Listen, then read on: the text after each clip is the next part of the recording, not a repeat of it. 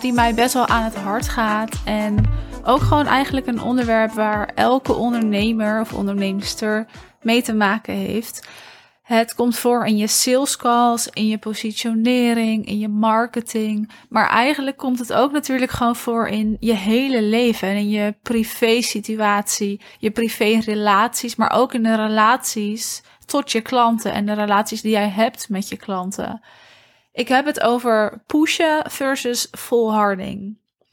We hebben natuurlijk al snel het idee dat we pushen of dat we iemand aan het pushen zijn. Maar er zit echt wel, nou eigenlijk een heel dun lijntje tussen wanneer je aan het pushen bent en wanneer je volharding hebt. Dus wanneer je volhoudt omdat jij voelt dat het kloppend is. Daarin moet je ook weer weten wanneer je los mag laten en wanneer je daar ook onthecht van mag zijn en ervoor mag kiezen om het los te laten. Maar goed, pushen versus volharding. Dat is dus een hele dunne scheidingslijn. En wat voor jou pushen kan zijn, kan voor mij volharding zijn en precies andersom. Maar ik wil wel met je delen hoe ik er naar kijk. Welke adviezen ik mijn klanten hierin ook geef. En wanneer je ervoor mag kiezen om los te laten. Eigenlijk in elke situatie. De eerste situatie die ik met je wil bespreken. Dat is als iemand een sales call bij jou inboekt. En wanneer die call dan nou uitloopt op een nee of uitloopt op dat iemand gewoon geen antwoord meer geeft. Toevallig had ik dit laatst weer en het is echt heel erg lang geleden dat ik dit heb gehad. Ik denk wel anderhalf jaar geleden, maar laatst kwam het weer een keer voor. En ja, dat voel ik dan toch wel een beetje.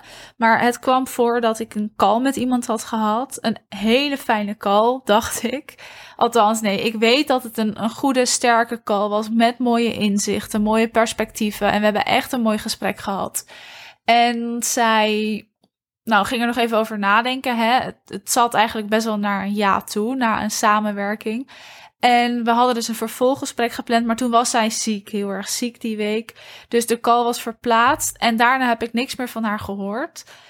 In zo'n situatie moet je dus weten tot hoe ver je gaat. Dus wanneer is het volharding en wanneer laat je los omdat het dan pushen wordt. Nogmaals, dat heb ik echt al anderhalf jaar niet meer gehad dat iemand niet reageert en je eigenlijk gewoon ghost, letterlijk. Ik heb altijd mooie vervolggesprekken en mooie gesprekken en er komt altijd een antwoord uit. Ik heb altijd een hele transparante relatie, ook met potentiële klanten. Dus het was voor mij ook wel weer even wennen of misschien een beetje schrikken dat ik dacht, oké, ja, dit is misschien weer een goede les voor mij. Dit gebeurt ook en dit maken mijn klanten ook mee. Dus ja, ik zal gewoon vertellen hoe ik het heb aangepakt. Je kan hierin berichten blijven sturen. En ik heb natuurlijk een berichtje gestuurd en contact opgezocht met deze potentiële klant, met deze onderneemster. En daarin heb ik aangegeven, hey, zullen we nog in gesprek? ongeacht wat je antwoord is, het lijkt me leuk om je toch nog even te spreken.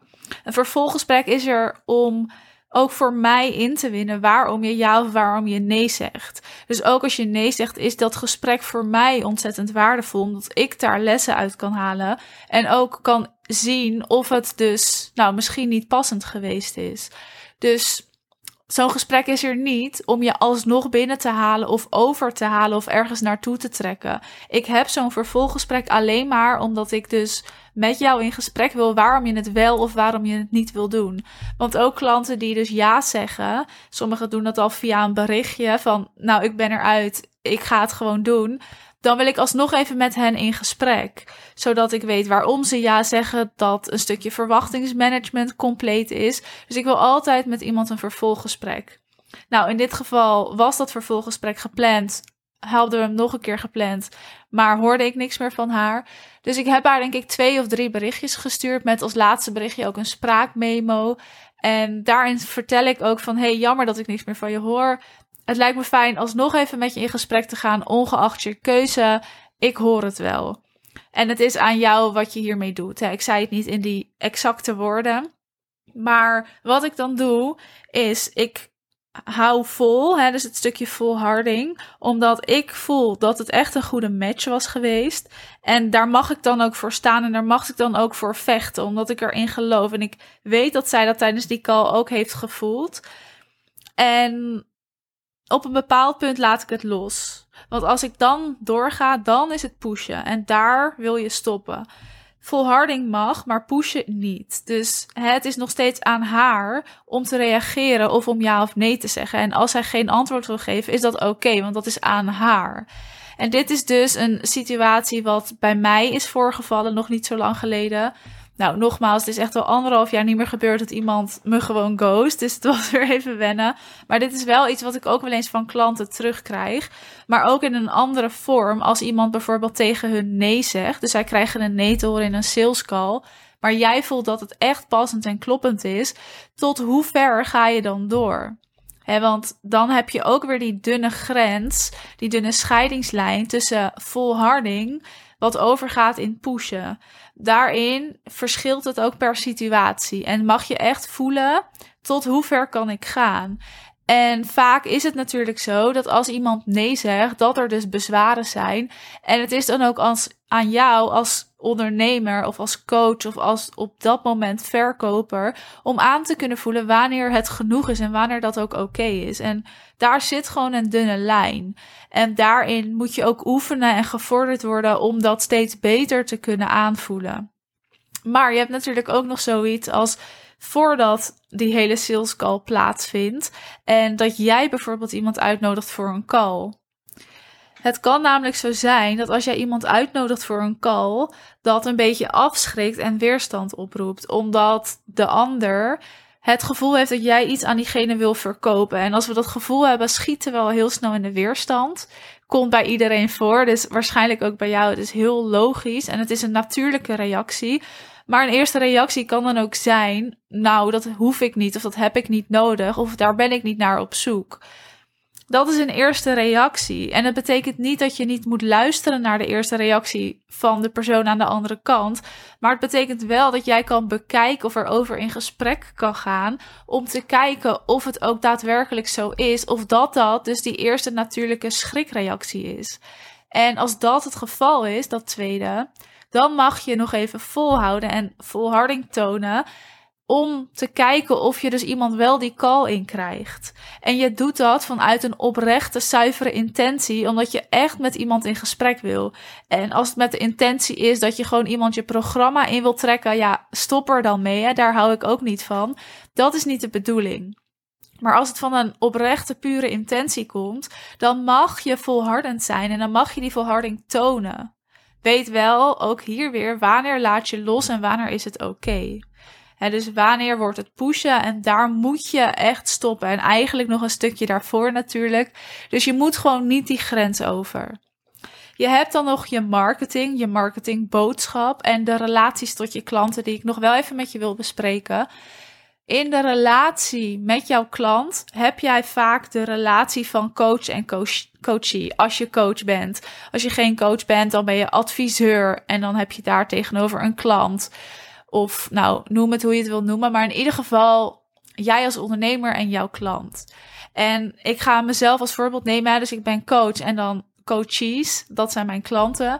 Daarin heb ik een bepaalde relatie met hen. Waarin je zeker weten gelijkwaardig bent, maar waarin ik als coach wel mijn expertise mag pakken en leiderschap mag nemen. En dat is een verschil. Dus ja, je bent gelijkwaardig, maar als jij als ondernemer iets verkoopt aan de ander, betekent dat dat jij jouw expertise verkoopt en dat jij dus leiderschap mag nemen in dat hele proces.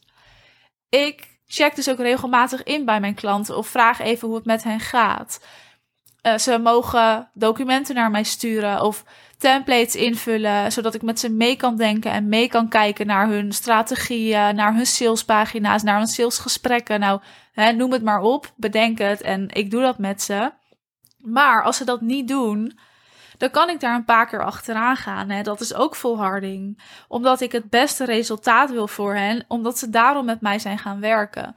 Maar als zij niet willen inchecken bij mij, als zij nou niet naar bijvoorbeeld een groepscall willen komen, die er overigens nu niet meer is in mijn programma's, maar voorheen was dat er wel, dan is dat aan hen. En als ze dat niet willen, dan heb ik dat ook te respecteren. En dan is er dus ook weer een bepaalde grens. Wanneer ben ik volhardend en zorg ik dat ik zeker weet dat hun het beste resultaat behalen? Of wanneer ga ik over tot pushen? En daarvoor mag ik dus stoppen. Want als mijn coachie geen documenten wil aanleveren, niet wil dat ik iets voor hen check of verbeter of controleer, geen template wil invullen, dan is dat aan die persoon. En tuurlijk ga ik daar in eerste instantie zeker weten achteraan, want ik ben je coach, ik ben ook een stok achter de deur en je werkt met mij samen voor mijn kennis en ik kan jou het allerbeste helpen als je die dingen wel doet. Maar als jij besluit dat jij het beste gaat op alleen in de calls verschijnen en af en toe een vraag stellen, dan is dat ook goed. En dan mag ik dus op een bepaald moment stoppen met erachteraan gaan, omdat het dan pushen wordt. En ik heb altijd de wensen van mijn klanten, van mijn coaches te respecteren daarin. Dus ook daarin, in die hele relatie, zit een verschil tussen volharding en pushen. En dat moet je ook aanvoelen. En ik moet ook zeggen dat dat per klant verschillend is. Want de een heeft dat gewoon heel erg nodig. En dat weet ik dan ook. En de ander heeft dat helemaal niet nodig. En dan weet ik dat ook. Of hè, daar komen we altijd wel achter tijdens bijvoorbeeld een kick-off. En daar zit het echt een ontzettend groot verschil waar je je bewust van mag zijn. Dan heb je nog pushen en volharding in je marketing. Je kan 30.000 keer je aanbod doen. Is dat dan pushen? Nou, vind ik niet. Maar er zijn mensen die dat wel vinden natuurlijk.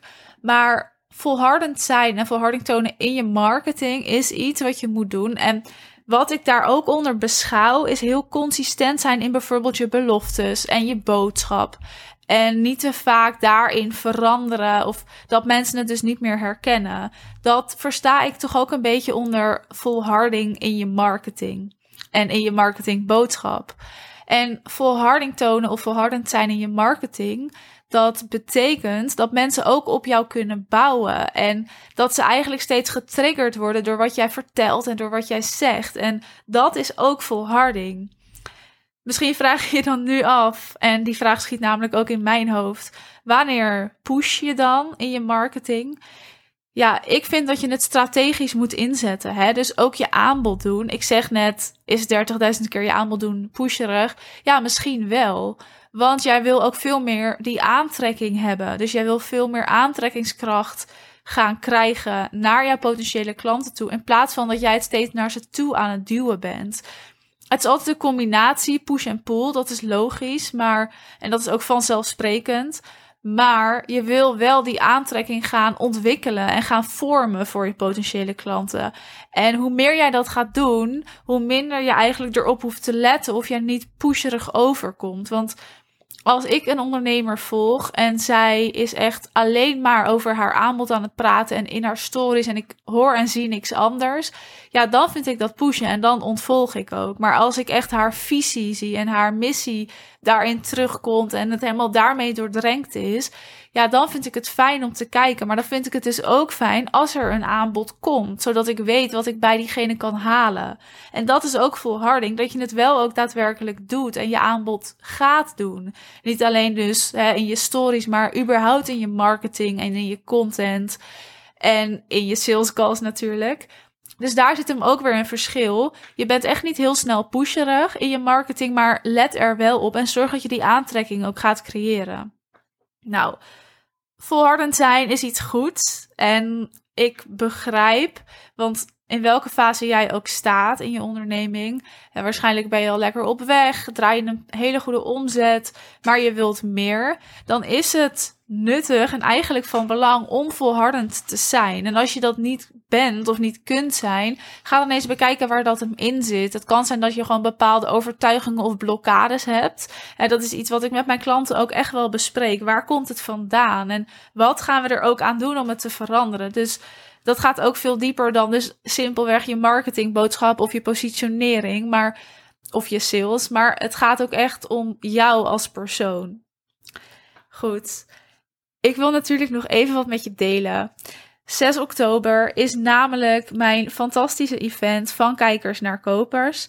Het vindt plaats in een kasteel en we gaan die dag ons echt onderdompelen in jouw bedrijf. We gaan het echt hebben over een stukje marketing, sales en positionering. Maar verwacht dat jij daar echt weggaat met inzichten en eye-openers. En het thema is dus hoe maak je van al die kijkers ook echte kopers. Het is ook de kijkers op je social media kanalen of luisteraars naar je podcast. Mensen die op je website komen. Wat je uiteindelijk wil is dat zij daadwerkelijk iets kopen. Heeft dus ook weer met een stukje volharding te maken. Maar daar gaan we ons op focussen. En het wordt echt een fantastische dag. Afgelopen editie was ook waanzinnig. Het is een mooie groep ondernemers die samenkomt. En we komen daar ook allemaal met een doel en een bepaalde intentie. En dat maakt dat een dag ook zo magisch gaat worden. Als je erbij wil zijn, zorg dan dat je voor 18 juli je ticket koopt. Want dan kun je de ticket nog met een early bird prijs kopen. Als je nog niet weet of je kan, dan kun je natuurlijk daarna ook je ticket kopen. Maar zorg dat je er op tijd bij bent, want vol is vol. Het vindt dus plaats in een kasteel, een fantastische locatie. Echt een beetje een droom ook die uitkomt voor mij, business-wise. Dus zorg dat je erbij bent die dag. We gaan er echt een hele mooie dag van maken. En je gaat vooral naar huis met echt, echt hele waardevolle inzichten, eye-openers en ook actiepunten. Want ik ga niet alleen zenden naar jou. We gaan ook echt wel luisteren natuurlijk, maar ook doen en nadenken en implementeren. Dus het is niet een hele dag uh, op je gat zitten en luisteren en kijken, maar we gaan ook doen. En ik ga ervoor zorgen dat dat helemaal goed komt. Ik ga die dag dragen en het lijkt me fantastisch als je er ook bij bent. Ik zet een link van nou, de ticketpagina hè, waar je ook meer kan lezen over het event in de beschrijving van deze aflevering. En dan wens ik jou nog een hele fijne dag of wandeling of nou, wat je ook aan het doen bent.